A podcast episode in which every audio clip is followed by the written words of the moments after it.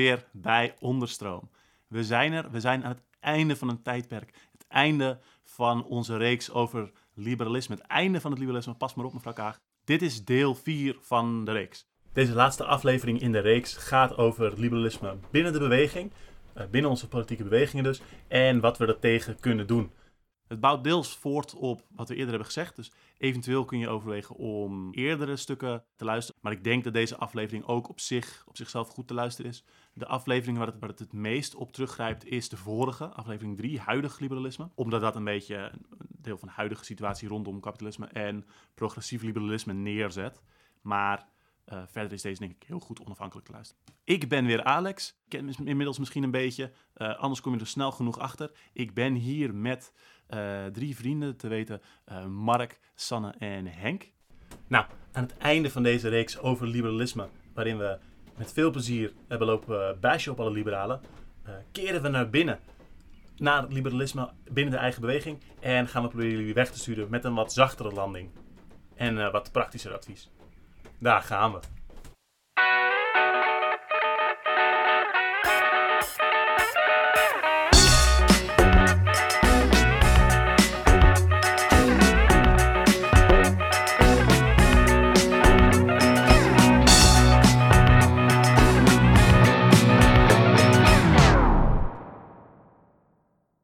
Voordat we echt aan de aflevering beginnen, wou ik nog even een, eh, een huishoudelijke mededeling doen. Deze aflevering is niet alleen het einde van de reeks over liberalisme, maar het is ook het einde van dit seizoen als het ware. Want hierna doen we een korte zomerstop. In augustus verschijnt er geen onderstroom en daarna beginnen we vol goede moed weer opnieuw in september. Zo na dit eerste jaar wil ik iedereen bedanken die op de, in de aflevering of achter de schermen en daarbuitenom eh, heeft geholpen om onderstroom te realiseren en om het gaande te houden. Vanaf het begin is onderstroom als project eigenlijk de aardsvijand geweest van perfectionisme. Ehm, en door de extra drukte van de laatste tijd heb ik dat voor het gemak maar heel serieus genomen. Eh, maar ik denk toch dat een paar van de dingen die ik en anderen dit jaar geleerd hebben, eh, dat we die wel wat structureler kunnen gaan toepassen. En ik ben heel eh, enthousiast om met wat meer geduld eh, daar verder aan te werken. Nogmaals bedankt ook voor alle positieve reacties en de aanmoediging. Ik ben heel enthousiast om verder te gaan. En als ik puur op die ideeën afga voor nieuwe afleveringen, dan zit ik eigenlijk wel een beetje goed tot het voorjaar van 2023. Dus wat mij betreft kunnen we lekker doorstromen. Dan nu de aflevering. Wat gaan we deze aflevering doen? Eh, liberalisme in de beweging is dus de naam. En het lijkt misschien een beetje tegenstrijdig. Want wat hebben we nou gezegd? Liberalen zijn toch juist voor de status quo. Dus waarom zouden ze dan daar tegenin gaan? Nou, in principe klopt dat wel. Maar ehm, mensen, ook mensen die maar, in eh, activisme, radicale beweging actief zijn, die hebben vaak impliciete gewoontes of ideeën eh, die ze niet met de status quo associëren, maar wel gebruiken in hun organiseren, in hun activisme, et cetera. Elk zeg maar, overheersend systeem heeft gewoon waarde bij belang bij een soort uitlaatklep voor ongenoeg en voor kritiek. Ehm, en dan liefst iets dat niet probeert systematische veranderingen door te voeren, eh, maar die wel zeg maar, frustratie kan kanaliseren en oplossen. Eh, het liefst is ook iets dat mensen een beetje, eh, een beetje uitput of uiteindelijk ontmoedigt. En daarom is het ook belangrijk voor zulke systemen om wel een soort veilig omruim, omheinde ruimte te hebben eh, die die uitlaatklep kan zijn. Ehm, en een groot deel van eh, echt dingen willen veranderen en, en zeg maar, politieke en revolutionaire strijd is het daadwerkelijk loskomen van zeg maar, bepaalde heersende ideeën die ons verlammen. Dood de liberaal in je hoofd, zeg maar. Dus wat gaan we vandaag doen? We gaan het vandaag hebben over twee manieren waarop liberalisme de beweging inkomt en hoe we daarmee om kunnen gaan. Dus we, we noemen wat eh, liberale kanten. Ten eerste interacteren met mensen die zeg maar, volmondig liberaal zijn. Eh, voor de oudere luisteraars herkennen jullie term misschien als de, de reformistische honden. Ehm, en aan de andere kant mensen die impliciet eh, liberale neigingen en gewoontes meenemen zonder dat ze dat willen. En hoe met die twee dingen om te gaan. En dat tegen te gaan, ook bij jezelf. En tot slot gaan we dan eh, wat, wat praktischer ook. Van hoe kun je impliciete liberalisme dat we zo hebben aangeleerd en zo stilletjes meenemen. Daar beschrijven we een aantal neigingen die mensen eh, vaak hebben, die wij vaak tegenkomen zelf. En daar stellen we wat, wat neigingen tegen, tegenover, wat vuistregels die je zou kunnen meenemen. eh, om juist niet dat, dat eh, liberale vast te houden. En dan gaan we daarna ook door naar wat eh, praktische dingen die je kunt doen om dat soort van antiliberale mee te nemen in je politieke werk. Nou, sommige radicalo's die noemen uh, elkaar te pas en te onpas liberalen. Um, zonder dat daar echt productieve soort van kritiek in zit. En ook zonder dat ze zelf proactief iets bouwen dat daadwerkelijk uh, liberalisme inperkt. En dat is ook niet de bedoeling. Dus ondanks dat we zelf soms misschien een beetje een brede definitie van liberalisme gebruiken, is dit wel echt bedoeld om ons als beweging verder te helpen en ons, ons vrij te maken van al die van impliciete uh, gewoontes die we meekrijgen. En uh, niet per se om te dissen op mensen. Dus, hoe komt liberalisme de beweging in? Heb je eerst de reformistische honden. Sorry, ik vind het, ik vind het een heel grappige, grappige term.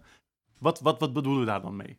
Ja, ik, ik denk dat het, dat het belangrijkste onderscheid uh, tussen uh, de mensen waar we het nu over gaan hebben, of zeg maar deze, deze categorie, is dat dit uh, mensen zijn die misschien niet per se een term als liberaal voor zichzelf gebruiken, maar wel mensen zijn die vaak of expliciet of heel duidelijk in hun handelingen bezig zijn met hervormingen binnenslepen, met projecten zo omvormen zodat ze makkelijker gecoopteerd kunnen worden of bezig zijn die cooptatie uit te voeren. Dit zijn, dit zijn zeg maar echt de groepen of individuen die actief meer liberaal zijn in hun praktijk. Uh, en waarmee je vaak vooral in bredere bewegingen of, of in, in brede coalities uh, mee te dealen hebt. Niet zozeer zeg maar, de problemen die wij als, als revolutionairs zeg maar, in ons eigen hoofd uh, tegenkomen. Dat, dat gaan we bij het volgende stuk bespreken. Maar die, echt de mensen die die zeg maar deel willen worden van het heersende bestel en dat als een soort uh, hervormingsstrategie zien. Ja, ja en ja, je kan, kan het, het, neemt allerlei verschillende vormen aan. Uh, maar bijvoorbeeld carrière-tijgers zitten hier tussen. Maar mensen die rondlopen in straatbewegingen en, en activistische groepen. Maar eigenlijk heel stiekem bezig zijn, of, of soms wel vrij expliciet, bezig zijn met een carrière voor zichzelf te bouwen. En het liefste op een gegeven moment in een partij gepromoveerd zien worden of, of voor een NGO willen werken of uh, dat soort dingen. Ja, het pijnlijke is dat sommige van die mensen zich natuurlijk wel als revolutionair zien uh, en dat ook zo benoemen. En daarom zei ik ook van ja, niet iedereen die, dit, die deze functie vervult, deze, deze rol inneemt, is per se overtuigd van het feit dat ze zelf echt heel liberaal of hervormingsgezind zijn. Het ding wat, wat ze bindt is dat ze het daadwerkelijk doen. En sommige mensen zijn heel makkelijk te herkennen partijfunctionarissen die een, een plan van hun, van hun uh, partijprogramma komen presenteren op een vergadering die eigenlijk over een actie gaat. En op die, dat soort manieren dingen frustreren. Maar ook uh, mensen die gewoon zelf uit de grassroots voorkomen. Die voornamelijk acties opzetten, bezig zijn met activisme. Maar zodra er een mogelijkheid is voor een onderhandelingstafel om aan te schuiven, uh, is dat het allerbelangrijkste. Gaat het vooral om praten met de machthebbers. Uh, en gaat het om wat in hun ogen winsten zijn binnenhalen. Maar dat zijn vaak hele slappe compromissen. Niet de eisen die door de beweging in eerste instantie naar voren is geschoven. Of waar mensen actief op zijn geworden. Vaak uit dit soort dingen heel, erg in, in, gekke bureaucratische systemen. Zoals maar een, een beweging uh, uh, eist verandering, uh, democratie op de werkplek. Of een verandering van een bepaald beleid.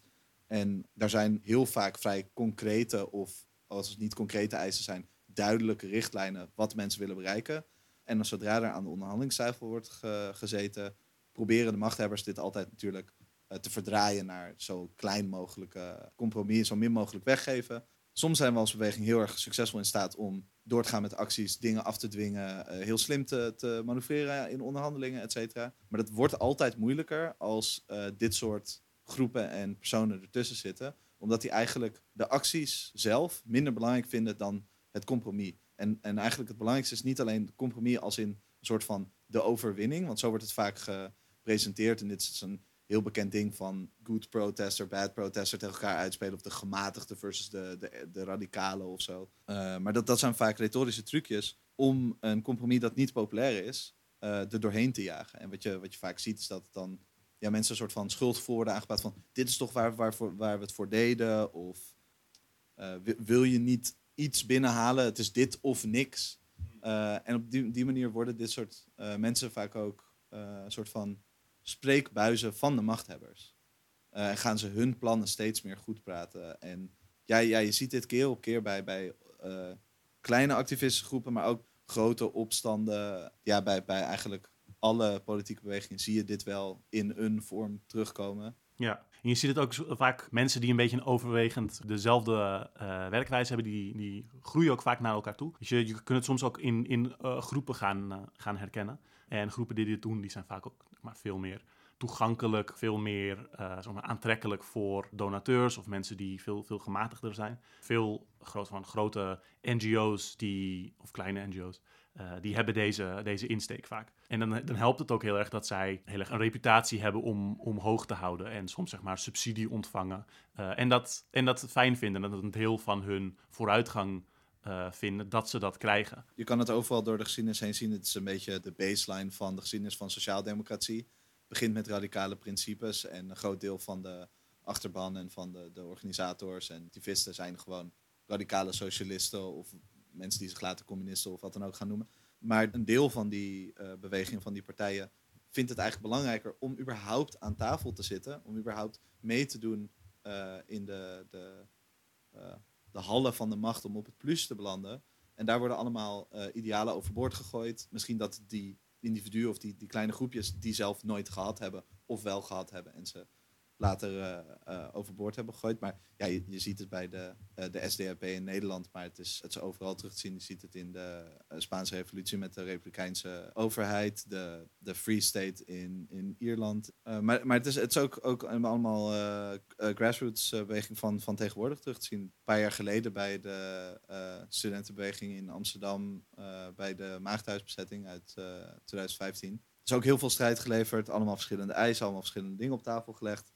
Eh, en uiteindelijk wat er uitgesleept wordt, eh, is een heel bureaucratisch stelsel van, van zogenaamde hervormingen die dan mondjesmaat wel of niet eh, uitgevoerd worden. En de, de mensen die dit soort van championen, die dit, het hardste hiervoor opnemen, die doen dus eigenlijk deels het werk van de, de machthebbers door hun compromis te verdedigen. In plaats van actief te blijven voor de eisen waar de beweging voor vecht.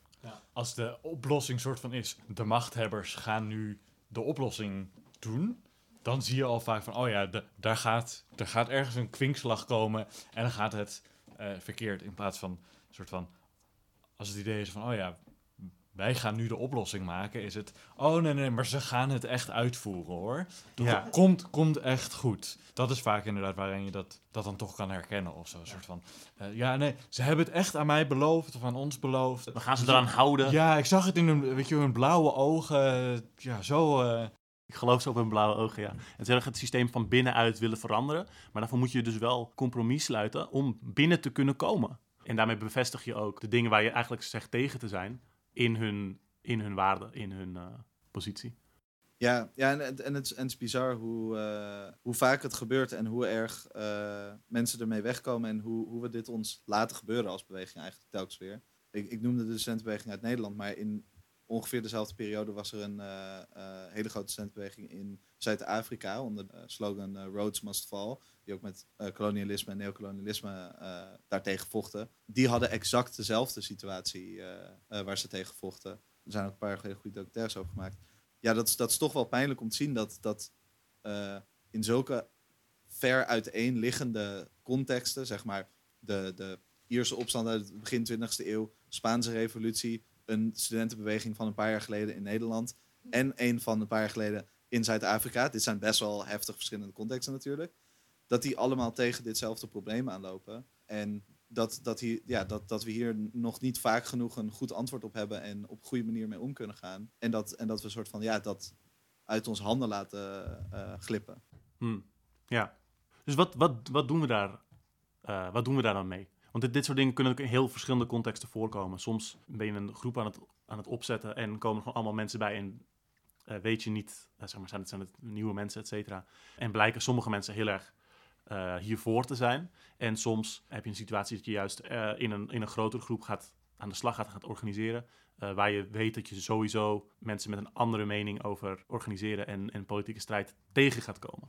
Dus hoe, hoe, gaan we daar, hoe gaan we daar dan mee om? Ja, ik, denk dat het heel belangrijk is om altijd zoveel mogelijk open communicatie zeg maar, intern binnen de beweging te, te, te hebben, zodat je weet waar mensen staan en zodat je ook weet wat je aan elkaar hebt. Maar het is prima als mensen verschillende insteken hebben, maar het is belangrijk om dat wel expliciet gezegd te hebben en dat we niet alleen maar bezig zijn om onszelf ook te uiten in een soort van sloganistische eh, uitspraken of in een soort van retorische trucjes die we misschien in, in onze eh, persberichten of wat dan ook gebruiken, dat we die niet ook gewoon herhalen naar elkaar toe. En dat we dan eh, wel eerlijker kunnen zijn, maar ook gewoon meer kunnen inzoomen op wat is het precies dat iedereen wil. Bijvoorbeeld als je nadenkt over een context met een bredere coalitie of een hele uh, bredere coalitie van groepen of een hele diffuse beweging van individuen die uh, maar wel individueel heel ver uit elkaar liggen qua, qua inzichten.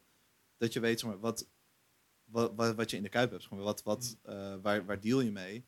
Dan kan je namelijk bewust ook een keuze maken om op een bepaalde manier samen te werken. Wil je dat eigenlijk wel? Denk daar actief over na. Vaak, in mijn ervaring tenminste, merk ik dat mensen daar niet zo actief over nadenken. En het soort van mensen wel vertrouwen en, het komt wel goed. En, en laten we daar niet zoveel over hebben, want het, het gaat toch om het doel of het ideaal of het, het grotere ding.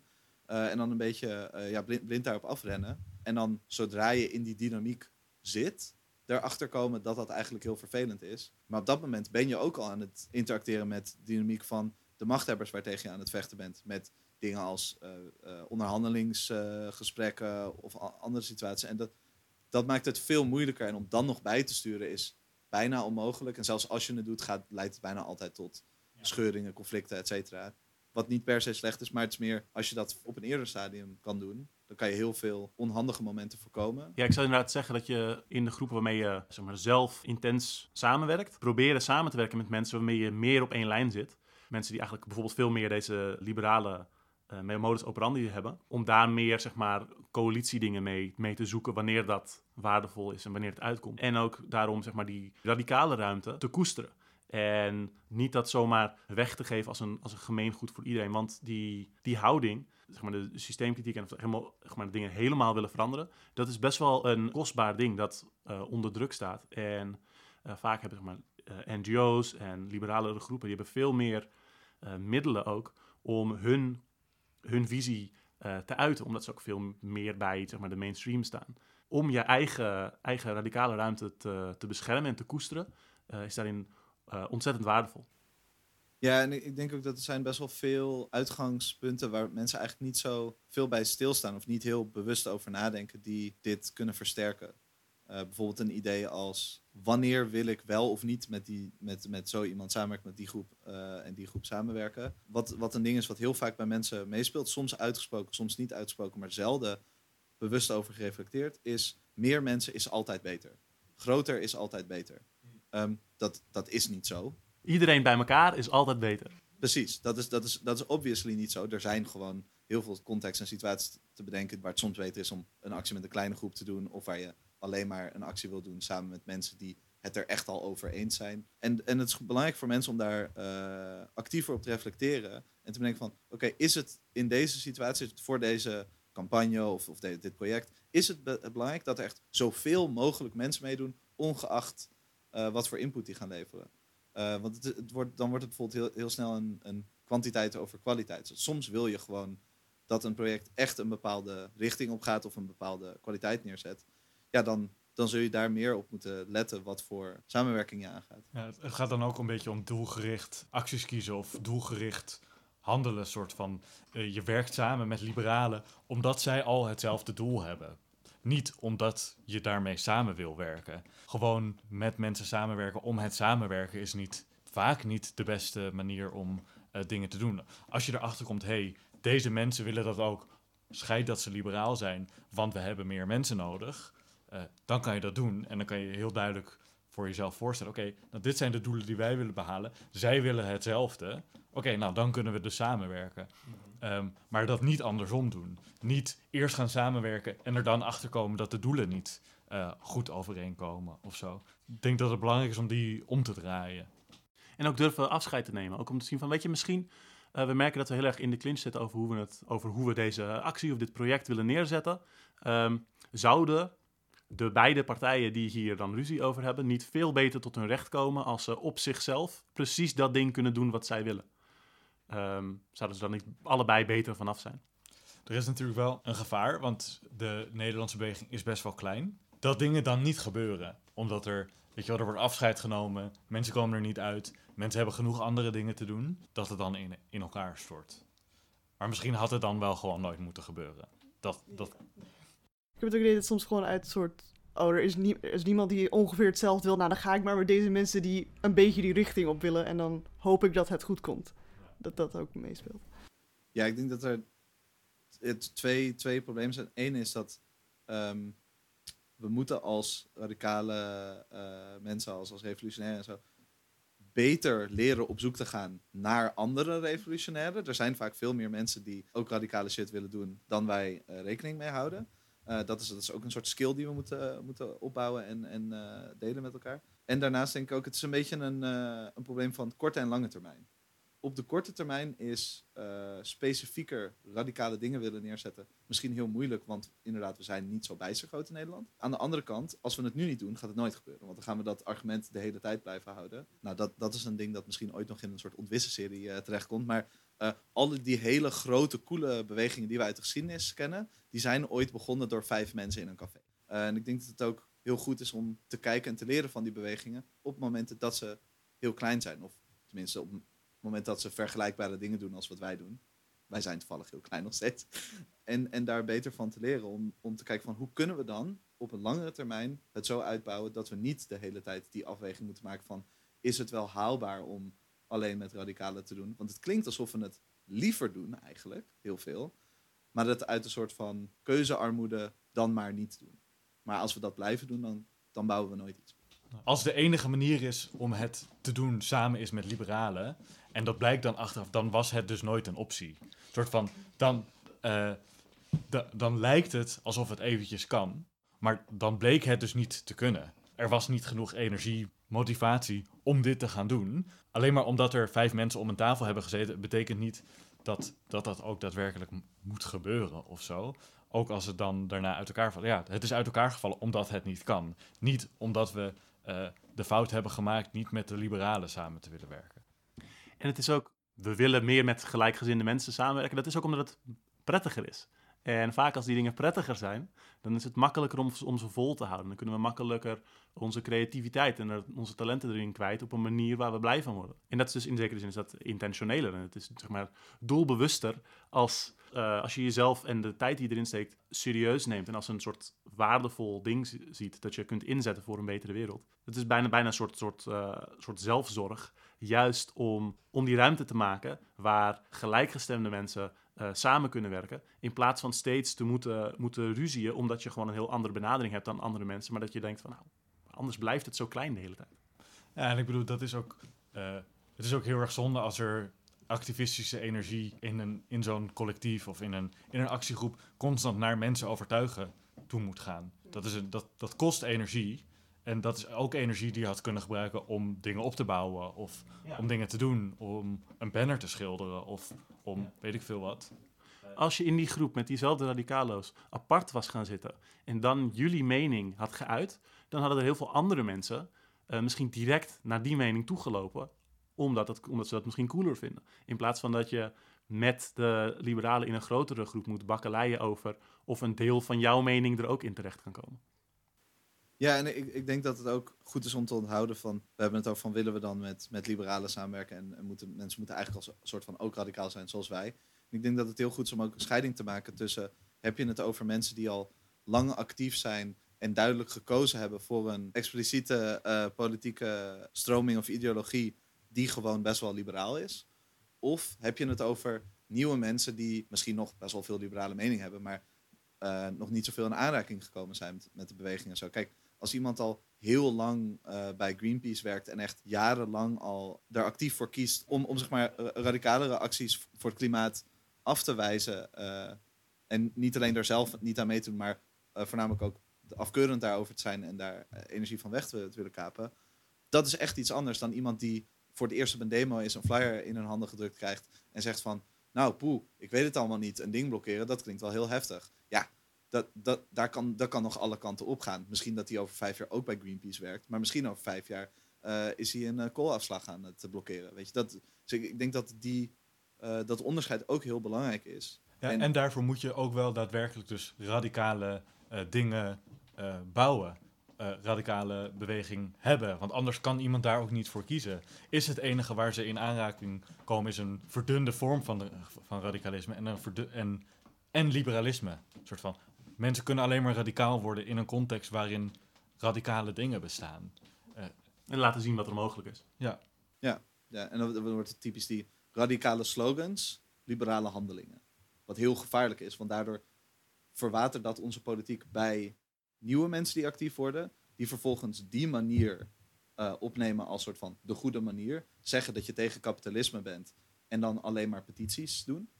Ehm, dat, dat, ja, de petities gaan gewoon het kapitalisme niet afschaffen. Als iemand een petitie wil doen, dat is prima. Ik geloof er zelf niet in, maar eh, dat, is, dat is hun ding. Maar als je dat denkt dat dat de enige manier is om kapitalisme te laten vallen, ja, you're gonna have a bad time. Een, een ander ding om, om eh, ook goed eh, mee te nemen, typisch zo'n ding waar, waar dan wel mee geschermd wordt, maar nooit heel actief op gereflecteerd wordt, is als mensen het hebben over de inclusiviteit van groepen en acties en dingen. Dat klinkt heel positief, want wij hebben daar een bepaalde invulling bij.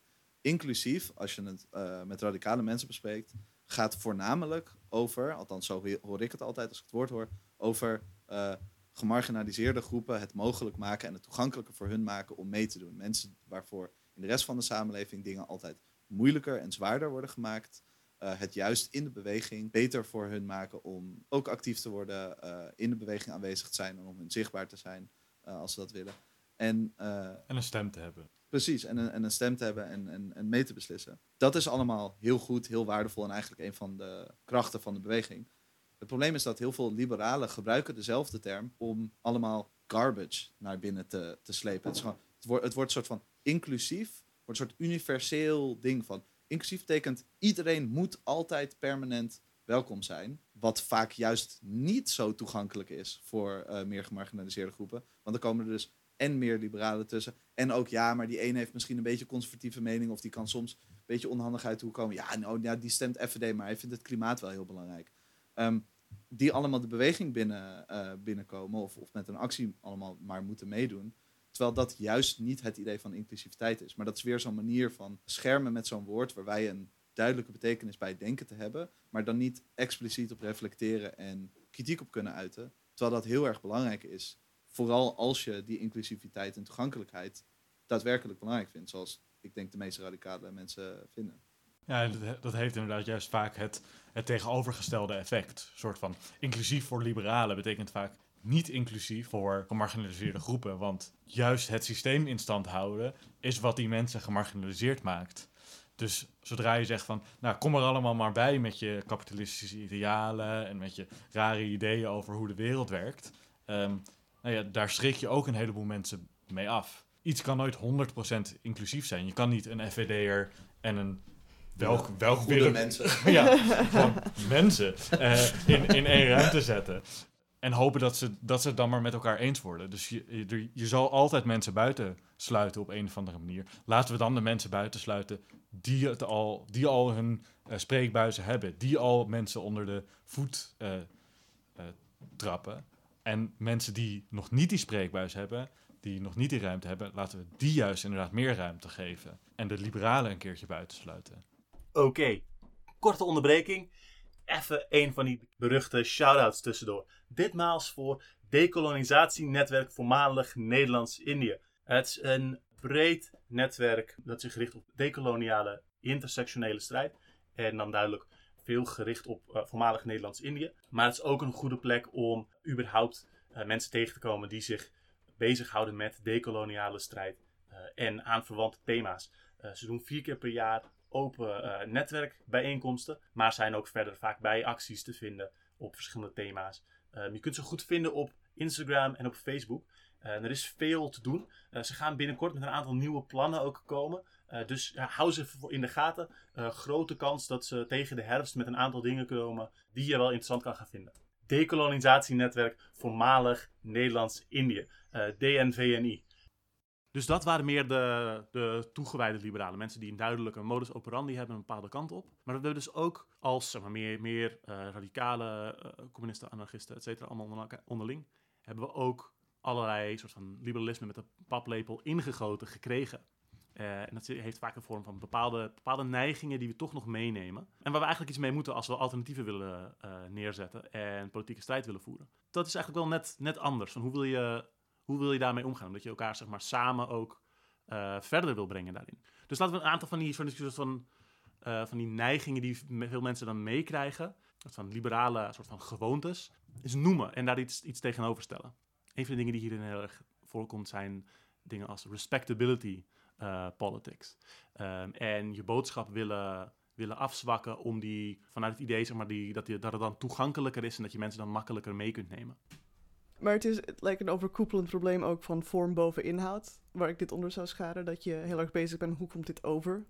En ehm, is dit op, ja, wat, wat, wat zij dan met inclusief bedoelen, straalt het uit dat iedereen hier welkom is. En niet, niet per se dat het echt zo is, of dat het echt, dat je boodschap afzwakt dat mensen het acceptabel vinden, maar wat er dan daarna mee gebeurt. Is dat de uitkomst daarvan nog steeds wenselijk, dat dat niet meegenomen wordt in de overweging. Dat je zegt, oh we moeten dit, dit idee verpakken op een bepaalde manier dat dat landt bij mensen, maar dan heb je het op die manier is het niet meer het idee. Dat je daar niet bij stil hebt gestaan. Dan plant je eigenlijk een, een ander idee bij iemand. Het, je, bent niet, je oorspronkelijk idee is dan gewoon niet overgekomen. Het, het is heel erg zeg maar, het proberen te tonen dat het resultaat al behaald is. Dus dat, daar doet mij heel erg aan denken. Wat je ook ziet met bijvoorbeeld uh, tokenization van uh, uh, gemarginaliseerde mensen. Dat, dat het heel erg zo is van, we willen inclusief zijn. En de manier hoe je dat doet, is door te doen alsof je het al bereikt hebt. Um, nou ben ik een vrij grote gelover in fake it till you make it. Maar, um, maar wat er hier gebeurt is dat, uh, dat mensen zeggen van... we moeten inclusief zijn, dus we gaan doen alsof het al zo is. Dus we gaan de ene persoon van kleur die er is heel prominent op de foto zetten. En daardoor laten we zien dat we al inclusief zijn en dat heel belangrijk vinden. En that's it. Verder gaan we daar niks mee doen of geen beleid opmaken of, of aandacht aan geven. Dat, dat je heel erg op die optics gaat zitten van we zijn er al. Waardoor je dus het probleem eigenlijk moeilijker bespreekbaar maakt. Ja, en, en uh, het gevaar er is ook heel erg van dat je, uh, hoe conservatiever namelijk het medialandschap zeg maar is, hoe uh, conservatiever jij dus ook moet zijn. Je definieert jezelf heel erg aan een conservatief idee, namelijk zoals die in de media leeft. En media zijn gewoon grote bedrijven uiteindelijk. Dus uh, als je je daaraan gaat meten, dan, ja, dan, dan kan je niet anders uitkomen dan bij een best wel conservatief principe. Ja. Om dat als uitgangspunt te hebben, dat is eigenlijk heel raar als je dingen wil veranderen. Het enige wat je dan is misschien een progressief liberaal idee, uh, een radicale van, dat kan niet op die manier. Uh, en uiteindelijk heb je er toch geen invloed op, want als grote media het op een bepaalde manier willen spinnen, da dan wordt dat ja. zo gesponnen. Uh, en de, de, activisten die worden toch altijd wel als een heel extreme marge gezien. Uh, zeker in Nederland op dit moment is, is dat ook vrij marginaal. Als je je dan een uh, heel erg blad voor de mond neemt, dan betekent het gewoon dat die, die ruimte in de beeldvorming gewoon veel meer naar rechts nog schuift. Um, omdat er niet iemand is die gewoon vol die radicale dingen loopt te zeggen. Ja, en er zit, ook nog een, uh, een andere dynamiek in die soms expliciet gemaakt wordt, maar heel vaak ook een beetje verhuld wordt. Dus om een beetje weer te linken aan dat, dat idee van die respectability uh, politics.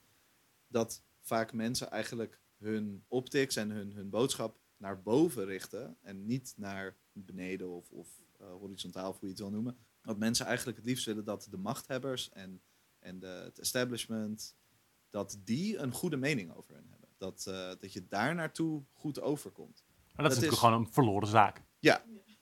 Nee, want die zijn nu al aan de macht. En we weten al hoe zij dingen doen. Dat is namelijk hoe het nu gaat. En dat is slecht. En ze hebben ook meer toegang tot informatie over hoe slecht het gaat. Over het algemeen weten zij beter hoe slecht de dingen zijn die ze doen. Want die krijgen gewoon heel veel, heel veel input, heel veel uh, informatie over van alles. Ja, en, en soms genoeg is het ook nog heel erg jezelf in de vingers snijden. Want niet alleen is het natuurlijk gewoon een, een niet boeiende doelgroep. Want dit is, dit, deze mensen gaan niet uh, voor radicale ideeën strijden. Het is ook nog dat de radicale ideeën die wij hebben en willen verspreiden. En uh, ook sommige van de optics die erbij komen kijken, die dan soort van te extreem zijn voor uh, mainstream media of, of weet ik veel, de, de zittende partijen. Die zijn vaak veel populairder onder de gewone bevolking of gemarginaliseerde groepen of juist de mensen die wij willen benaderen. En een radicaal idee als welvaartsherverdeling is een stuk populairder bij mensen lager op de sociaal-economische ladder dan bovenaan. Het is al een idee dat wij goed vinden. Laten we dan de mensen targeten die en dit een beter idee vinden en eigenlijk ook belangrijker zijn in dit hele verhaal. En met ons eerlijke verhaal naar hun toe komen, omdat het daar gewoon beter gaat landen en wij samen uh, met elkaar willen we uh, hiervoor gaan vechten. Ja, Ik denk ook dat zeg maar, het is meer het, het omarmen van die radicale rol. En ook zeggen van juist, er, daarmee kunnen wij heel erg dat terrein oprekken, dat soort van Overton window. En ook als je zeg maar denkt van nou, die progressief liberalen, die vind ik eigenlijk heel sympathiek. Ik ben er vrij zeker van dat als je een radicalere groep neerzet, dat al die progressief liberalen een, een soort van ah, ah, zucht van opluchting doen. Dat ze niet meer het heftigste ding op het terrein zijn. Dat zij weten, oh, nou, nu kunnen we ons heel erg redelijk voordoen. Want die andere mensen die zijn en die gaan veel, die zeggen veel heftigere dingen. Betere dingen. Betere dingen, ja precies. En rondom dit respectability ding krijg je ook soms mensen de neiging hebben om uh, mensen die radicalere acties doen dan jezelf zou doen, om hen uh, af te vallen. En te zeggen, nou, maar dat, daar hoef je ons niet mee te associëren hoor. Wij, wij hebben daar niets mee te maken. Als een soort uh, ook inderdaad als een manier om jezelf soort van respectabeler voor te doen. En dat is ook, ook ontzettend jammer, omdat je, uh, zeg maar, je, je kunt een andere, andere manier van, van doen hebben dan iemand anders. En dat belangrijk vinden, bijvoorbeeld, weet ik veel, een fonds opzetten dat acties mogelijk maakt, maar zelf niet heel radicale dingen doen. Dat kan.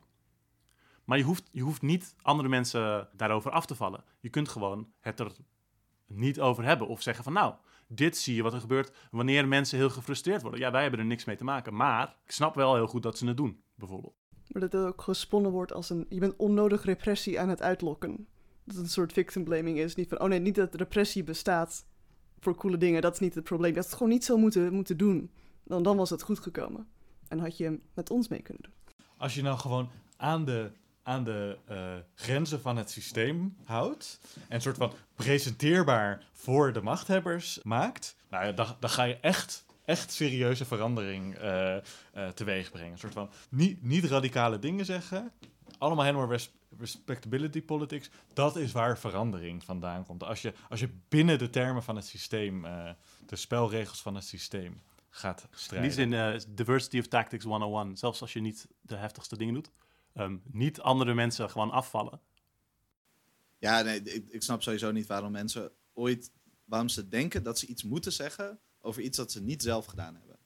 Als jij niet meedoet met een bepaalde actie, dan, en, je, en je hebt daar geen positieve mening over, dat is echt, dat is heel leuk. Die kan je gewoon heel erg voor jezelf houden. Het, het heeft geen, geen zin om elkaar daar voortdurend op af te vallen. En dat is alleen maar ondermijnend. We zijn onze energie daarmee aan het verspillen we gaan het niet altijd eens zijn met iedereen in de beweging. Dat, dat is zo, dat gaat voor eeuwig zo blijven. Uh, dat is misschien jammer, maar dat is nou eenmaal zo. Dan kan je beter focussen op dingen waar je zelf mee bezig bent, om die op te bouwen en om daar uh, kameraden in te vinden en coalities op te bouwen. Dan meningen hebben over dingen die andere mensen doen, waar je dan toch geen invloed op gaat hebben. Als jij tegen een bepaalde vorm van actie bent om, en niet in die groep zit die die actie doet, dan gaat een statement daarover schrijven die groep helemaal niet overtuigen om dat niet meer te doen. Daarom is dat die andere groep die wel dat ding doet. Het, is een, het is een vrij futiele poging die dus wel repressie en marginalisering van onze ideeën in de hand werkt. Uh, vorig jaar zomer toen in de VS de George Floyd-opstanden uitbraken, dan daar werd overwegend wel positief op gereageerd, of in elk geval neutraal op gereageerd vanuit uh, de beweging. Dat is natuurlijk een duidelijk iets dat voorkomt uit um, mensen die ontevreden zijn, dat is helemaal terecht. En die, dat terechte woede. Dat begrijpen we dan wel. En wat we dan... De avondklokrellen is eigenlijk ook niet een heel goed, goede term misschien. Zijn, maar dat is dan wel heel erg. En dat is dan wel onnodig geweld zogenaamd. En het is ook heel erg gedelegitimiseerd van... ja, er staat misschien ook een paar rechtse mensen bij... en dus is het allemaal een fascio-ding. En dus is het allemaal verkeerd. Ja, en nou, wat ik vooral heel pijnlijk vond... is dat vanuit radicale hoek veroordeeld werd. Um, sommige mensen die zeiden van het zijn allemaal fascisten, dus we moeten niks doen. Dat ik ook zoiets had van, nou, als het allemaal fascisten waren, dan moeten we dus nu Juist allemaal de straat op, want dit is echt doodseng. Uh, want er zaten, zaten natuurlijk wel fascisten bij die voornamelijk gedeputized werden door de politie om de straten veilig te houden. Ja, ja. Zo ziek. Beschermde primaire. en het, het is misschien interessant om er heel kort op, kort op in te gaan. Want zo, het is um, uh, inderdaad een, een, een woede-uiting van mensen tegen de avondklok. Uh, en daar doen allemaal verschillende mensen aan mee. En sommigen hebben daar geniaal uit, uh, geniale meningen voor. En sommige mensen hebben daar ver uh, veel minder geniale meningen voor. Maar dit zijn ook grotendeels uitingen van mensen die onderdrukt zijn. En als je kijkt waar, het, waar die, die, die plaatsvonden, zijn dat heel veel armere wijken en wijken waar allemaal gemarginaliseerde gemeenschappen leven. Het is dan belangrijker om te kijken waarom zouden eh, mensen in dat soort buurten of gemeenschappen zo boos zijn dat ze dit soort dingen zouden doen? En wat gebeurt er precies? Ja, ik, ik vind het dan pijnlijk om te zien dat mensen in Nederland wel bijvoorbeeld heel erg dat filmpje hebben gedeeld eh, uit de VS waar een eh, zwarte vrouw zegt van ja, ze, ze beschuldigen ons van onze eigen buurt te slopen, maar we, we bezitten hier helemaal niks en het is niet van ons. Heel goed dat dat filmpje gedeeld werd, heel vet filmpje namelijk. Maar als het in Nederland gebeurt, dan is het opeens niet zo en zie je dezelfde mensen en, en, en kanalen en zo, zie je tegenovergestelde delen en, en wordt alles weggeschreven als of het zijn outside agitators en het, het zou nooit vanuit die gemeenschap zelf kunnen komen. Of het zijn allemaal fascisten. En, en het is toch hun eigen buurt. En wat zonde dat ze dat soort dingen slopen en zo. En ja, dat is gewoon heel pijnlijk om te zien. Want het is eigenlijk een soort not in my backyard sentiment. Ja, en het, en het resultaat is, is heel vaak dat, of tenminste, eh, het impliciete resultaat is heel erg dat het. Er wordt heel erg gewezen naar van. Oké, in Amerika is het echt erg. Maar hier, hier is het nou ook weer niet. Weet je hier hebben we niet zo heel erg veel te klagen. Een soort van. Hè, wees nou maar blij dat je, dat je iets hebt. Het kan allemaal nog veel erger. Dus uh, niet gaan lopen rellen. Dat, uh, dat, is, dat is allemaal niet nodig, want, want hier hebben we nog wel wat dingen. En daarmee ook meteen die systeemkritiek monddood maken. Want ook al hebben we, zelfs al zou het hier niet zo erg zijn als in Amerika, wat soort van misschien, misschien waar is, misschien niet. Alsnog leven we hier in een kapitalistisch systeem waarin de arbeidsverhoudingen kapitalistisch zijn bepaald. Er is een hele sterke staat in Nederland die vet veel repressie uitvoert. Op een andere manier dan in Amerika, maar het is er wel. En door die vergelijking impliciet te maken, maak je heel veel, uh, ook heel veel kapot. En een hele uh, legitieme uh, strijd maak je eigenlijk mond, monddood. Dat ook bij de avond wat heel erg speelt, is elk vorm van kritiek op uh, coronamaatregelen als een soort conspiracy-denken weggezet is. Terwijl het wordt obviously ook gebruikt als een vehikel om bepaalde vormen van pressie gewoon in te voeren die dan vanaf dat moment zijn ze geaccepteerd. Zoals er is mogelijkheid tot een avondklok. Dat mensen niet denken van, oh dat is misschien wel, misschien niet nuttig tegen COVID, dat maakt eigenlijk niet uit. Het is nu gewoon mogelijk geworden. Dat is op zichzelf al een probleem. Ja, en je ziet het uh, in alle binnensteden hangen overal camera's. Om, zogenaamd om toezicht te houden dat er niet te veel mensen te dicht bij elkaar komen. Maar dat, dat is waar ze gebruikt voor gaan, gaan worden, inderdaad. Dat, uh, niet, niet voor face recognition of soort van allemaal rare uh, controlemechanismes. Nee, het is om ervoor te zorgen dat mensen anderhalve meter afstand houden. Nou ja, en er zit natuurlijk ook een, uh, een hele typische dynamiek achter. Zelfs, zelfs al zou de staat willen helpen met, met corona-veiligheidsmaatregelen, omdat het de staat is, is dat heel moeilijk. Want de staat is een repressief apparaat, niet een behulpzaam apparaat. Wat, wat het vooral wil, is regels maken die te handhaven zijn. Dat is ook waarom er in uh, bijvoorbeeld in Nederland heel erg een switch is gekomen van de anderhalve meter heel erg handhaven. Dat is een stuk moeilijker toen en vager. Naar mondkapjes. Dat is gewoon een soort ja-nee situatie, net als de avondklok, dat is te handhaven. Er, wordt, er wordt gefocust op regels die je kan breken. En als je die breekt, dan word je, dan, word je gestraft. Dat is een logica die de staat begrijpt, maar niet per se hoe je corona uh, oplost of, of de situatie veiliger maakt. Zoals bijvoorbeeld met die coronarellen. Het lijkt wel alsof mensen een beetje vergaten halverwege dat die hele avondklok bedoeld was om minder mensen bij elkaar te brengen. Als dat allemaal mensen de straat opbrengt die dan bij elkaar gaan zijn, dan misschien moet je dan de avondklok opheffen, zodat mensen zich zeg maar, meer afstand van elkaar houden. Daar gaat het helemaal niet om. Een andere neiging is dus van niet, niet je stem willen versterken, niet dat uh, tactisch willen gebruiken, niet soort van gehaaid met je tijd om willen gaan. Een soort van vertrouwen op dat je, dat je eerlijk behandeld wordt door, uh, door bijvoorbeeld politieke tegenstanders. Ik kan het wel eens tegen dat, dat je bijvoorbeeld bij een van de actie bent. En dat, uh, dat sommige mensen dan bezig zijn om te zorgen dat ze bijvoorbeeld niet zomaar hun identiteit bekend wordt bij, weet ik veel, geen stijl of zo. En dat er een aantal mensen dan zeggen, ja, maar je staat toch achter wat je doet? Ik bedoel, dan, dan moet je daar toch gewoon over, open over kunnen zijn. Maar ik zie er ook wel een verbinding met bijvoorbeeld mensen die bijvoorbeeld het, het, uh, soort van politiek niet goed vinden om zeg maar, nieuwe onbekende mensen direct te benaderen en gewoon je boodschap te uiten. Om te kijken of zij dat, daar misschien ontvankelijk voor zouden zijn. Vanuit een soort, ja, maar dat is, dat is manipulatief of dat is, uh, dat is neerbuigend. Een soort, soort van anti, ja, bijna een soort van tegen, tegen tactisch willen zijn. Ja, ik, ik, ik denk dat um, bijvoorbeeld wat, waar, wat je zei over je identiteit uh, veilig willen houden. Het is, het is typisch iets wat, en het is ook heel erg gelinkt met dingen als uh, respectability politics. Dat het is, het is een geloof in een vals geloof in het systeem. Dat soort van, je, je kan gewoon er tegen in opstand komen en, dat, en dan komt het goed. Wat op zich al een vrij gek idee is, want als je tegen iets bent, gaat dat ding ook tegen jou zijn. Dat heeft gevolgen. Als je de wet breekt, dan wil de staat je in de gevangenis zetten.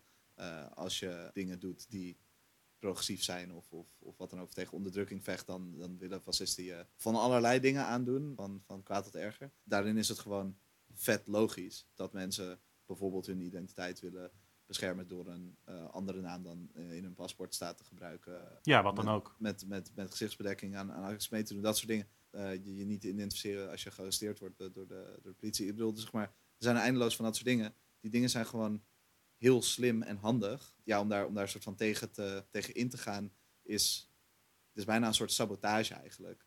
Uh, die niet altijd vanuit kwade wil gedaan wordt, maar daarom niet minder schadelijk. Ja. we hebben soms zo'n. We hebben in die eerste aflevering erover over gehad van dat een soort uh, de, de, de machinerie en de checks en balances van liberale democratie, die zorgen altijd dat de goede uitkomst eruit komt. Dat hebben mensen toch wel meer uh, geïnternaliseerd soms dan ze denken. Waardoor soms zo'n houding is van, nou, ik ga gewoon mijn mening gewoon uiten in de ruimte. En dan is er, er, is er een publiek debat waarin dat dan mee meekomt.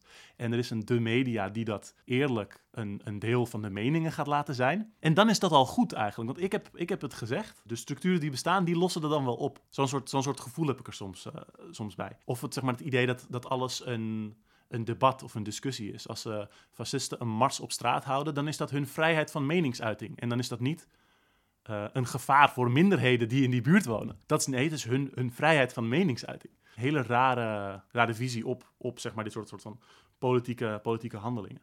En ik denk dat het heel, heel belangrijk is om politiek als, als machtsstrijd te begrijpen. En ook te kijken van, als ik iets zeg, hoe komt het dan bij mensen? Hoe zorgen we zelf dat die boodschap uh, ergens terechtkomt. In plaats van te doen alsof wij uh, stiekem ook gewoon een soort stukje zendtijd voor politieke partijen krijgen. Het is een soort van bijna ontkennen dat dit een strijd is. We, we zijn aan het vechten tegen structuren die ons onderdrukken.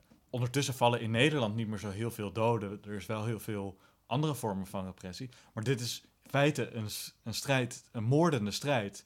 Heel veel van die moord vindt, vindt plaats in oud-koloniën in, in het uh, mondiale zuiden. Maar dat is waar wij uiteindelijk tegen aan het strijden zijn. En gewoon maar doen alsof er eigenlijk niet zo heel veel op het spel staat. Van, nou ja, hè, het is gewoon een mening in dit veld. Nee, dit is een strijd op leven en dood voor heel veel mensen. En wij, wij zitten toevallig aan de geprivilegeerde kans, wa kant, waardoor heel veel van de fallout niet zo op ons terechtkomt. Maar dat maakt het niet minder belangrijk om te realiseren waar je mee bezig bent en uh, hoe je in dat speelveld bestaat. En hier lopen doen van, nou ja, het is maar een mening. Uh, of ik, uh, ik, het is gewoon een debat. Of ik, ik kan toch gewoon mijn identiteit uiten en, en erachter staan. Ja, maar dat is niet hoe, hoe het werkt. Dat is een, op een heel klein speelveld misschien enigszins waar. Maar als je in, in, naar het totaal kijkt, gewoon naïef en niet hoe, hoe het werkt. Dus veel van wat we hierover hebben, uh, komt eigenlijk voort uit um, ja, het verschijnsel dat we eigenlijk allemaal als liberaal beginnen. Want we worden gewoon, opgevoed in gewoon mainstream uh, cultuur. En uh, op, opgeleid tot zeg maar, staatsburgers op school, et cetera. Dus we, we krijgen heel veel van dit soort, dit soort gewoontes gewoon mee. En het hoeft dus ook niet onze expliciete overtuigingen te zijn. Iedereen begint eigenlijk als liberaal. Ja, wat je ook veel ziet, veel zeg maar, zo'n nieuw aanwas in de beweging, dat dat veel jonge mensen zijn die vooral online in aanraking gekomen zijn met bepaalde radicale ideeën. En die dat dan heel cool vinden, maar die hebben wel een bepaalde versie daarvan meegekregen. En die zijn er zich er niet heel erg bewust van. Veel dingen die gedeeld worden via sociale media, dat zijn memes en dat zijn gewoon grappige quotes. En natuurlijk is dat, heeft dan niet heel veel diepgang, maar veel mensen blijven daar wel een beetje in hangen. Dat ze een beetje de buzzwords kennen, maar niet heel erg uh, de gedachte er, erachter. Uh, dat je er blijft hangen in een soort een, een, esthetiek van radicaalheid met een paar slogans, maar dat je niet, eigenlijk niet weet waar je het over hebt. Om het heel bot uit te drukken. Maar, en dat bepaalde thema's bijvoorbeeld daar meer soort van fotogeniek zijn, mediageniek zijn, die veel meer aandacht krijgen. Uh, identiteitspolitiek krijgt best wel een prominente rol. Maar dingen als bijvoorbeeld prison abolition misschien van, vanuit de VS nu dat dat een beetje doorgecijpeld is door de, de George Floyd-opstanden. Maar dat, ik zie dat bijna nooit op Nederlandse radicale uh, online milieus terugkomen. ja, dat, eh, dat dat soort meer zeg, gritty thema's eigenlijk veel minder eh, aan bod komen. Een soort feel-good space is, dat mensen hun... En dit is op zich niet, niet slecht natuurlijk, hè, dat je een, een space hebt waar je jezelf kan zijn, je identiteit kan beleven. Maar dat je niet dat in een, een context hoeft te plaatsen van waarom je dat eigenlijk nodig hebt, los van de wereld is stom. Dat je daar eigenlijk geen verdere analyse hoeft te hebben en daar die, die dan ook niet ontwikkelt. En dat je daar dat je bagage ook mee ehm, de beweging inneemt. Dat een, een mening hebben op Twitter al als een soort activisme gezien wordt.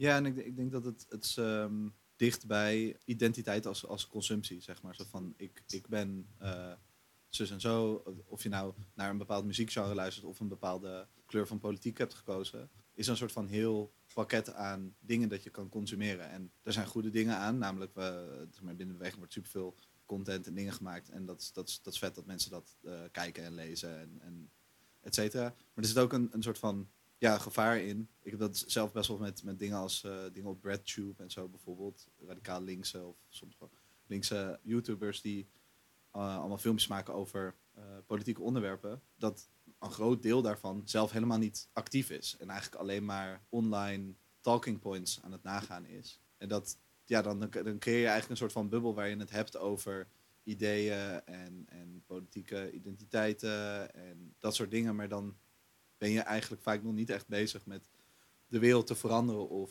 ja, actief zijn. Ja, het is op zich zo, niemand radicaliseert ze maar in één keer. Je hebt een zaadje, wordt geplant en misschien heb je hier wel 15 zaadjes nodig voordat je zeg maar, goed radicaal bent. Maar, dus in die zin heeft het een functie. Maar dat je, je moet wel vervolgstappen durven zetten. Ik denk dat het ook meespeelt dat veel van die nieuwe aanwas ook betrekkelijk hoog opgeleid is. En die zijn gewoon gewend om in theoretische kaders te denken. Zo van, oké, ik denk na over een ding en dat is, dat is al het ding. En dat je niet per se handelingen hoeft te verrichten. Je hebt nagedacht en heb je iets begrepen. En dat, dat was het doel. Je hebt het begrepen. Zo, nog even voor het eind een dubbele shout-out. We hebben het natuurlijk net gehad over een aantal problemen met online radicalisme. Ehm, en een van de lastige dingen is dat het lastig overschakelt naar de echte wereld. Eén ding dat wel heel goed overschakelt naar de echte wereld is radar.squad.net. Radar is een vette website die allemaal alternatieve en politieke evenementen weergeeft. Uh, ook vaak demonstraties, etc. In Nederland wordt het veel gebruikt, van de wat, wat grotere steden. Uh, in Amsterdam is er heel veel voor, maar ook voor andere uh, plekken. ook staan er vaak gewoon sociale centra fulltime op aangegeven. Um, en het wordt bijgehouden door mensen die ook een beetje bekend zijn met de beweging. Dus er, er zal niet zomaar een of ander onzin ding op staan. De dingen die daar staan als evenementen, die gebeuren ook echt. En hebben ook vaak enige, enige connectie met, uh, met dus bestaande sociale centra, et cetera. Radar.squad.net. Iets anders dat een beetje uh, rond sommige problemen van online radicalisme uh, dat die ontwijkt, is offline radicalisme. Bijvoorbeeld met boeken. Er zijn een aantal radicale boekwinkels in Nederland. Daar kun je gewoon heen. super vet. Uh, gewoon een boek lezen. Gewoon een boek lezen. Uh, Fort van Chacot bijvoorbeeld in Amsterdam aan de Jodenbreestraat. Um, of bijvoorbeeld uh, de Zwarte Uil in Nijmegen. Um, of de Opstand in Den Haag. Verschillende radicale boekwinkels. zoek ze op. ben je een radicale boekwinkel en heb ik je niet genoemd? laat het me even weten. Dan doe ik de volgende keer een shout-out. Maar ga ze opzoeken joh. Uh, daar, daar, wil ik ook nog even op reageren wat je net zei over dat uh, voornamelijk hoogopgeleide mensen op social media en op het internet bezig zijn met meningen vormen en bekijken zeg maar, hoe, dingen, hoe, hoe zit het precies in elkaar en hoe moet ik daarover nadenken. En dat het, dat, dat het vaak een beetje is dan voor, voor veel mensen. Of dat mensen het moeilijk vinden om verder te denken. Sommige mensen willen het wel, maar vinden het ook moeilijk. Uh, en ik denk dat dat ook een resultaat is van de manier hoe wij opgevoed worden binnen een parlementair stelsel. Dat heel erg een uh, arbeidsdeling heeft. Er wordt heel erg uh, voorgeschreven, heel expliciet, maar ook heel vaak heel impliciet. in ons hele leven dat je verschillende takken hebt van de, van de maatschappij. En nou, bijvoorbeeld het idee van de trias politica, dan laat ik de rechterlijke macht even weg voor het gemak. Maar heb je de, de wetgevende en de uitvoerende macht. En zeg maar, die scheiding zit bij heel veel mensen ingebakken. Sommige mensen bedenken de ideeën. En andere mensen doen dan de dingetjes. En zeg maar, dat idee zit er zo hard in. En daar worden we ook natuurlijk helemaal mee kapot gegooid ons hele leven lang. dat voor veel mensen, vooral voor, juist voor hoogopgeleide mensen, het moeilijk is om daar uit te breken. En dat zelfs mensen die daar actief mee bezig zijn, het vaak moeilijk vinden om soort van, ja, maar wat moet ik dan doen? En, en zeg maar, de grap is dat vaak is het antwoord gewoon dingen doen. Maar dat dat, dat echt een eh, belangrijk probleem is. En ja, op het internet kan je dat eigenlijk bijna niet doorbreken. Want je bent daar vaak niet de dingen aan het doen nog. Het, is juist heel erg zo'n ideeënwereld. En daarom is het zo belangrijk om mensen die via het internet binnenkomen, wat compleet logisch en legit is, om die ook heel direct door te schuiven. Om die te betrekken in eh, projecten waar gewoon dingen gebeuren. Zodat mensen kunnen leren van ho- hoe kunnen we dan verder gaan dan meningen hebben en, en nadenken om allemaal plannen te maken. Hoe kunnen we dat gewoon zelf gaan implementeren? Dan, dan zijn we echt dingen aan het opbouwen. Ik krijg meteen zo'n flashback van een, eh, een, een type artikeltitel die je heel vaak ziet. Van ja, we moeten toe naar een x-soort van analyse over dit soort probleem, zodat we naar dat soort gedachte-experimenten toe kunnen gaan. Dus nee, nee, nee, we moeten shit doen. Of op zijn minst mist het een, een, een volgend onderdeel dat dat, zeg maar, dat potentieel kan incashen. Ja, en ik, ik denk ook, je, je kan best wel verschil zien tussen sommige van dit soort content creators. Als je kijkt naar iets als Thought Slime, dat ook heel erg in, in die soort van breadtube vibe zit. Die heeft er zelf actief voor gekozen om een segment te hebben dat de Eyeball Zone heet. eh, waar die specifiek verwijst naar projecten die boots on the ground bezig zijn, echt dingen aan het doen zijn. Dan, dan stuur je dus al mensen deels door. En een nog, nog veel gaver voorbeeld is het project als Submedia, waarbij gewoon al hun content gemaakt wordt op basis van input van mensen die actief strijd leveren. En ze daarmee zoveel mogelijk, zo gemarginaliseerd mogelijke mensen eh, aan het woord laten om hun verhaal te kunnen delen. Kijk, dan, dan heb je het echt over het broadcasten, het, het, het signal boosten van de strijd. En het niet er gewoon over hebben, maar dat je gewoon de, de, de, de revolutionaire activisten gewoon aan het woord laat en dat laat zien.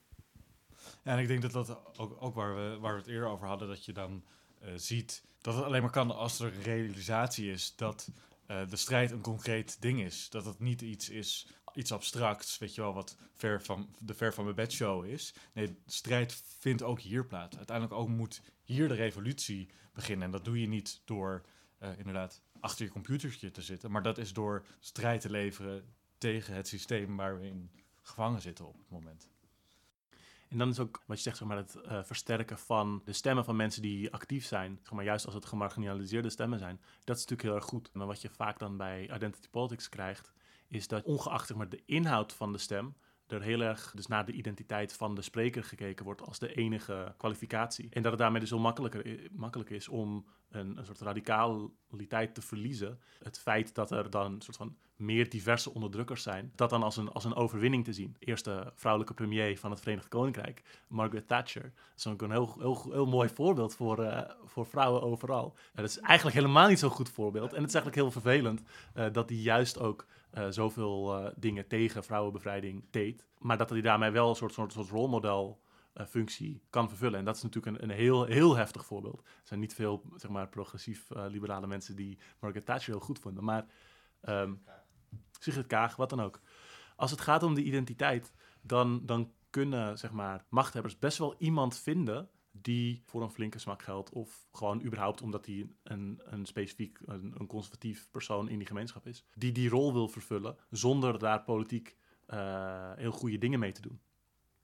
Ja, en ik denk dat als, als we naar bijvoorbeeld de situatie in de VS kijken, dat je hier een heel erg uitgekristalliseerd voorbeeld hebt. Zeg maar, een hele eh, heftige strijd van heel erg eh, zwaar onderdrukte en gemarginaliseerde groepen, die eh, zichzelf organiseren en terugvechten. En waar al echt decennia lang actief beleid is om dat te coopteren en om dat te ondermijnen. En ja, een deel van de kapitalistische klasse in de VS heeft, ziet ook wel in dat ze, ze kunnen niet dat soort problemen gewoon volledig negeren. Dus dan worden de eh, minder problematische aspecten ervan worden opgenomen en gaan ze gewoon als wapen mee schermen. En dan, dan heb je het inderdaad over dingen als de, eh, tokenizing van, van individueel voorbeelden. Ja, dat is het resultaat van strijd. En, en daar gaat vaak de gedachtefout mis. Dat er nu enigszins zwarte mensen in, in de media terechtkomen, bijvoorbeeld. Dat er, enige, dat er meer representatie is. Dat is niet de manier waarop strijd gevoerd is. Dat is omdat er op de grond voor, voor meer rechten wordt gevochten. En daardoor is de realisatie, oh shit, we moeten er wat mee. Dat, dat komt niet uit, uit zichzelf. Nee, dat is het resultaat van strijd op de grond. En niet de manier waarop uiteindelijk de verandering gaat plaatsvinden. Het is het resultaat, niet de, eh, het gevecht, zeg maar. Ik denk dat dat een belangrijk verschil is, dat daar vaak in eh, nou, wordt vergeten of exp expres eh, wordt weggelaten, zeg maar. Ja, dat wordt niet echt een, een einddoel van levert dit meer bevrijding op. als je zegt van um, dat zijn heel erg uh, cosmetische dingen, zoals dat er meer vrouwelijke CEO's zijn, betekent niet dat het patriarchaat kapot is. Dat niemand meer een seksistische grap maakt, maakt niet dat verkrachtingscultuur weg is. Levert het bevrijding op, zou eigenlijk je enige vraag moeten zijn. En dat je je niet af laat, poeieren met een, een dingetje hier en daar. Ja, ik denk, ik denk ook inderdaad dat je, als er één iemand, bijvoorbeeld inderdaad één vrouw aan de macht of één zwarte persoon uh, op een meer machtige functie, is soort van, dat betekent zeg maar voor 99,9% van, van de mensen, van zwarte mensen en van vrouwen vaak, dat zij nog steeds uh, zwaar onderdrukt zijn. Zeg maar. En dat is inderdaad, dat is het verschil met uh, radicale. Dan is, als het goed is, in ieder geval, iedereen bevrijd. En niet alleen die ene persoon die toevallig die sociale functie uh, kan vervullen. Ja, ja en, en, het, en het allernaarste is dat de mensen die mogelijk wordt gemaakt om uh, in zo'n rol te, gaan, worden vaak geweaponized om die bewegingen te delegitimeren en aan te vallen. Er, ja, er is een, een, een geniaal uh, artikel en, ook een filmpje van gemaakt over de Black Leadership and Other Liberal Myths. Wat, wat gewoon heel goed uh, blootlegt hoe dat gebruikt wordt. Hoe zogenaamde uh, zwarte community leiders gemaakt worden die heel toevallig allemaal dingen zeggen die het witte establishment heel graag wil horen. En die spreken dan voor alle zwarte mensen. En al, maakt niet uit hoeveel zwarte mensen daarmee oneens zijn. Dan zijn dat een provocateurs of, of outside agitators of uh, wat dan ook. Die, die weten niet waar hun echte bevrijding ligt. Die, uh, ja. we moeten naar deze zwarte persoon die wij goed vinden, die weet hoe, hoe het werkt. En. Ja, nee, echt uh, totaal bizar. Maar dat juist iets zogenaamd vooruitstrevends als identiteitspolitiek minderheden tot een één ding maakt. Dit is de zwarte opinie, dit is de vrouwenopinie. En daar mag je helemaal niet van afwijken. Want dat is natuurlijk heel chill om tot één ding gereduceerd te worden. Plus de, de mensen die alle controle hebben over het geld, de staatsapparaten en de media. Die kunnen heel makkelijk uitkiezen wie zij uh, signal boosten. En die hoor je op de meeste plekken. Dus die heeft dan ook natuurlijk het meeste gelijk. Ja, nee, zo worden uh, radicale uh, mensen en eigenlijk de, de echte spreekbuizen van onderdrukte gemeenschappen worden gewoon uh, monddood gemaakt. Ja, dus intersectionaliteit is heel belangrijk, maar deze soort van die liberale identity politics benadering ervan on, onproductief of zelfs, zelfs schadelijk in sommige opzichten. Vaak is juist die, die, zeg maar, deze heel liberale vorm van wat dan identity politics genoemd wordt, is juist schadelijk voor intersectionele strijd.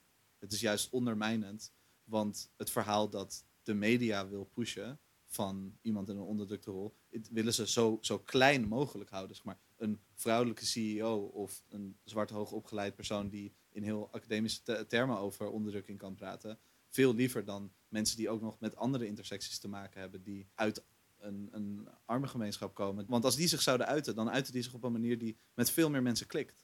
En dat is natuurlijk juist heel eng. En daarom, uh, ja.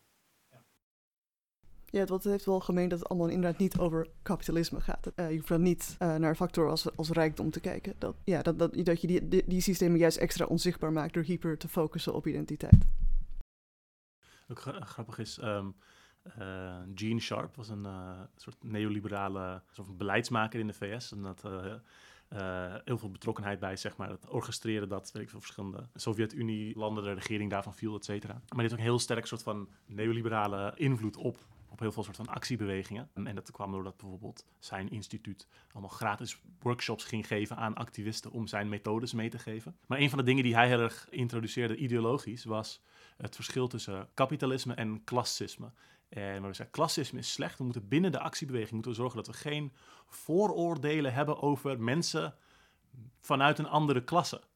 Dus we moeten niet soort van mensen belachelijk maken omdat ze arm zijn, of mensen belachelijk maken omdat ze rijk zijn, of omdat ze saaie middenklassers zijn. Maar uh, we moeten juist samen daar goed, goed samenwerken en geen rare vooroordelen hebben. Uh, maar dat is dus heel specifiek iets anders dan een anticapitalistische kritiek. Namelijk het omgekeerde daarvan. Het is uh, het is niet, het kapitalisme is slecht en moeten daar vanaf. Nee, het is, nee, mensen hebben verschillende klassen en dat is een, uh, En dat is, dat is prima. En er is ook helemaal niet iets soort van uitbuitends aan aan het feit dat sommige mensen niet hoeven te werken. Maar we moeten gewoon zorgen dat we ze niet uitlachen omdat ze een raar hoedje op hebben. Ja, en ik, ik denk dat dit is gewoon exact hetzelfde bij andere vormen van onderdrukking. Alleen daar hebben we misschien niet altijd twee van die woorden voor, zodat je het een beetje uit elkaar kan trekken. Maar ja, als je het over het vechten tegen racisme hebt, als je liberalen erover hoort, dan gaat het over het niet maken van een eh, racistische grap. Terwijl racisme is een gigantisch systeem van uh, materiële ongelijkheid, van uh, machtsongelijkheid. Geen racistische grappen maken is goed. Maar dat is niet de oplossing voor het, het hele racistische machtssysteem eh, wat onderdrukking in de wereld in stand houdt. Dat is, dat is en eindeloos complexer, maar er zijn ook heel veel hele eh, basic uitingen daarvan. Iets, iets als zeg maar, de on- ongelijkheid op de arbeidsmarkt in Nederland, waar met, eh, met een eh, achternaam die eh, mensen niet zint of niet wit genoeg is, eh, je veel minder grote kans hebt om een baan te krijgen. Ik bedoel, dat zijn echt dingen die direct tot ongelijkheid leiden en die dan weer veel minder eh, besproken worden. Ja, dat is een beetje het verschil tussen bijvoorbeeld eh, structural racism versus soort van racial prejudice. Dus je wil, je wil eigenlijk altijd naar een systeemkritiek toe en eh, richten op de structuren die anders moeten. Dus dat zijn een heleboel soort van liberale neigingen of, of soort van gewoontes die mensen hebben, verworvenheden. En een aantal, aantal dingen die we daar tegenin zouden willen brengen. Maar hoe doe je dat dan? Hoe kun je proberen samen los te komen van dat liberalisme dat je mee hebt gekregen? Dat is vrij moeilijk, ook omdat er eh, best wel wat systemen in, in plaats zijn eh, bestaan die juist dat, eh, dat liberalisme juist willen, willen versterken. Maar we hebben een aantal, we hebben een aantal dingetjes. Bij wijze van, eh, van uitsmijter eh, willen we gewoon wat, wat, wat praktische dingen over je heen gooien, beste luisteraar. Sanne, je had iets over een checklist bijvoorbeeld. Ja, bijvoorbeeld. dat je, als je toch bezig bent tegen je innerlijke lib, dat je je afvraagt van bijvoorbeeld, is dit, deze actie die ik wil doen of dit idee dat ik heb, is dat ingebed in staatsstructuren? Is dat in te bedden in kapitalisme? Of strijdt het heel expliciet tegen die dingen? Is het iets dat concreet bevrijding oplevert of daar naartoe werkt? Of rechtstreeks materiële omstandigheden voor mij of iemand anders verbetert? Of is dit alleen een, een, een cosmetisch vooruitgang? Is het vorm of is het inhoud?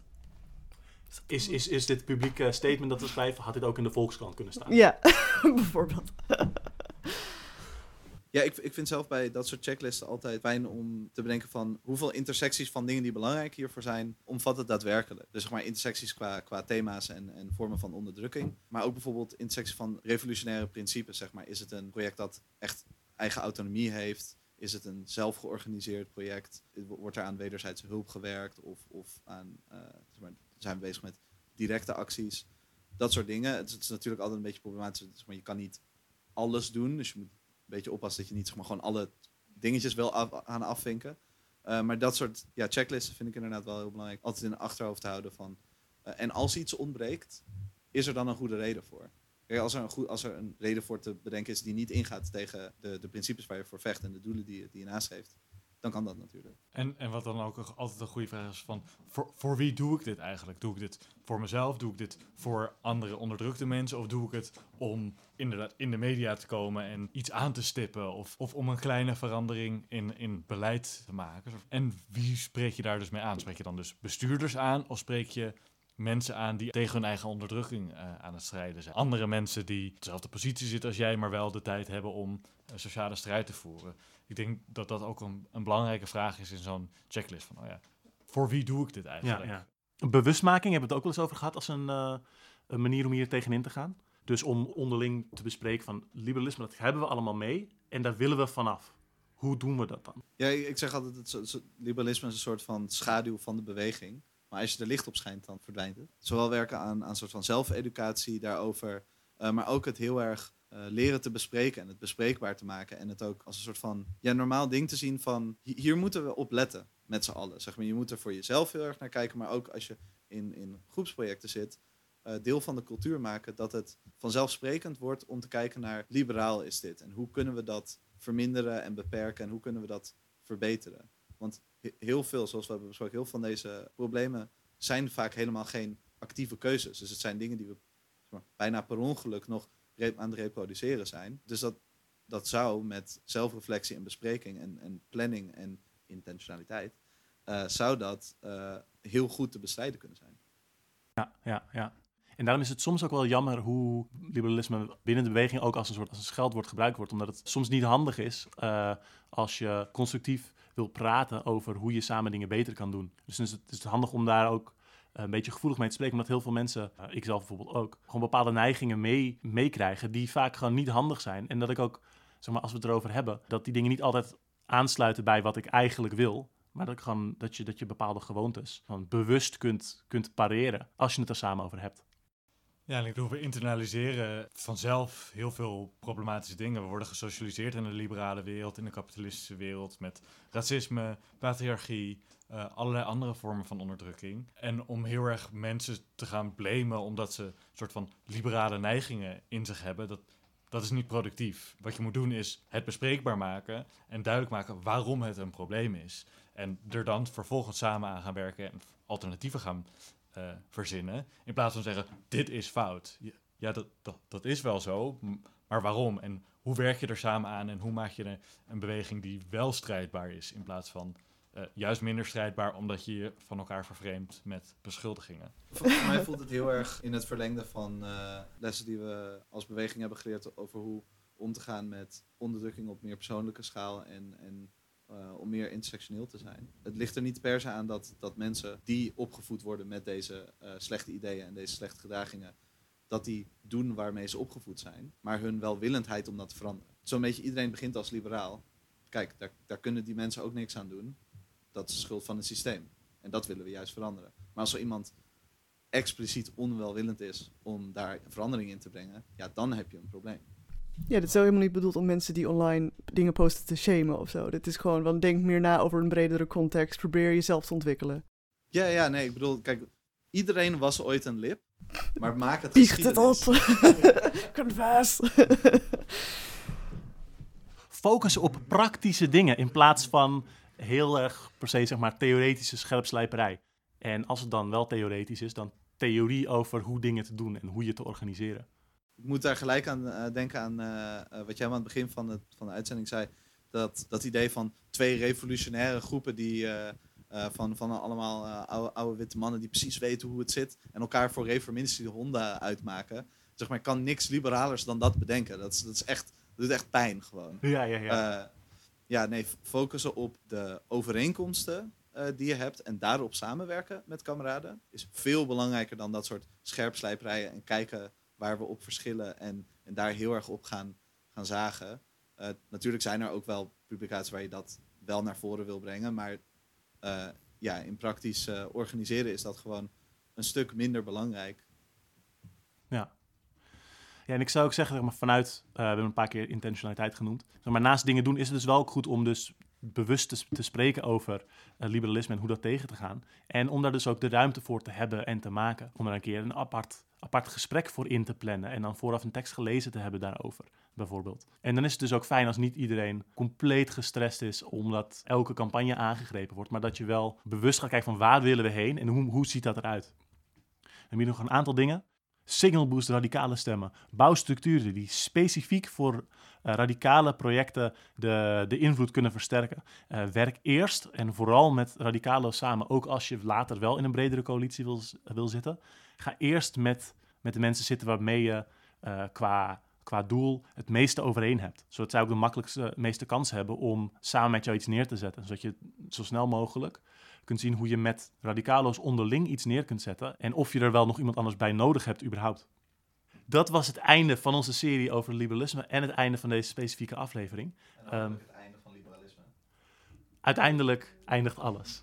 Uh, hartstikke bedankt voor het luisteren. Ik hoop dat jullie er iets mee kunnen. Zeker wanneer je het gaat hebben over zeg maar, dingen die binnen de beweging gebeuren, kan het natuurlijk heel spannend of, of uh, confronterend zijn. Ik kan me zo maar voorstellen dat we op wat tenen hebben getrapt. Begin beginnen anders een gesprek over. Uh, mijn mijn YouTube-video's zijn altijd een mooie plek voor Flame Wars om te beginnen. We gaan ook bij deze podcast een heleboel bronnen toevoegen over liberalisme, zodat de mensen die van, van lezen houden daar lekker mee los kunnen. Vond je dit interessant, uh, verhelderend, pijnlijk, uh, praktisch bruikbaar? Overweeg ons dan te delen via welk kanaal je ook maar gebruikt om dit te luisteren. Volgende maand slaan we even een sirene over. Want in augustus hebben we dus die zomerstop en verschijnt er geen nieuwe onderstroom. Uh, maar dan ben ik in september weer terug en sterker dan ooit. Eh, en ook met een aantal nieuwe features. Ik ga niks verklappen, eh, want dan kan ik niet teleurstellen. Maar dan weet je het vast. Wees niet verbaasd als je opeens verrast wordt. Voor nu zijn we klaar eh, met eh, liberalisme. Eh, maar liberalisme is nog niet klaar met ons. Dus misschien dat we er op een bepaald punt nog op terugkomen. Er is ook nog zat te vertellen. Eh, bijvoorbeeld die hele uh, drogreden van het, de, de gouden middenweg. eh, die liberalen zo leuk lijken te vinden. Maar voor nu houden we het voor gezien. Eh, en ik ben heel enthousiast over de thema's waarmee ik in de herfst aan de slag kan gaan. Dus tot dan. Iedereen een heel fijne zomer gewenst. Eh, en tot in september. eh, dan is Onderstroom weer bij je terug.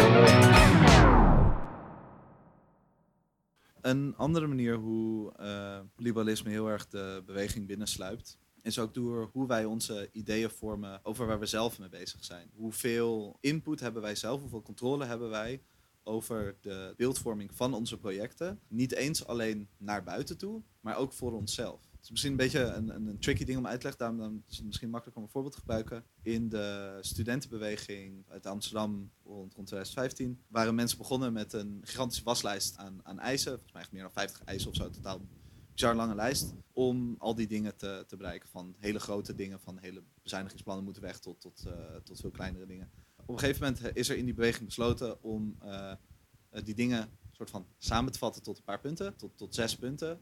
Uh, en de reden daarvoor was om aan de onderhandelingstafel te komen. Niet omdat ze per se die zes punten daar binnen wilden slepen, uh, maar ze, ze wilden blijven onderhandelen om de bezetting voor te kunnen laten duren. Zodat ze een soort van. Ja, zodat, omdat ze dan redelijk uh, overkomen. Dat, dat, dat, dat lukte, want het bestuur van de universiteit wilde toen niet over meer dan 50 losse punten praten. Wat totaal onredelijk van hun was, uiteraard. En die, die zes punten zijn toen blijven staan. Alleen het probleem werd dat er steeds meer mensen bij die beweging erbij kwamen. En de organisatiekrachten en instituties waren er niet binnen de beweging om alle nieuwe mensen perfect op te vangen, uit te leggen hoe het allemaal zit. En een, hele uh, lowdown te geven van hoe dingen zo, zo, geworden zijn zoals ze zijn. Dus wat mensen zagen is, er is een soort lijstje van zes dingen en daar is een onderhandeling over. Vervolgens werd deze beweging dus heel groot opgepakt in de media. En de media zag ook dat lijstje en ging daar mee aan de haal. En die zeiden van, dit is het ding waar het om gaat, alleen deze dingen. En die is daar zoveel mee bezig geweest, omdat dit gewoon een dagelijks in het, in het landelijk nieuws was en, en heel erg gefocust werd.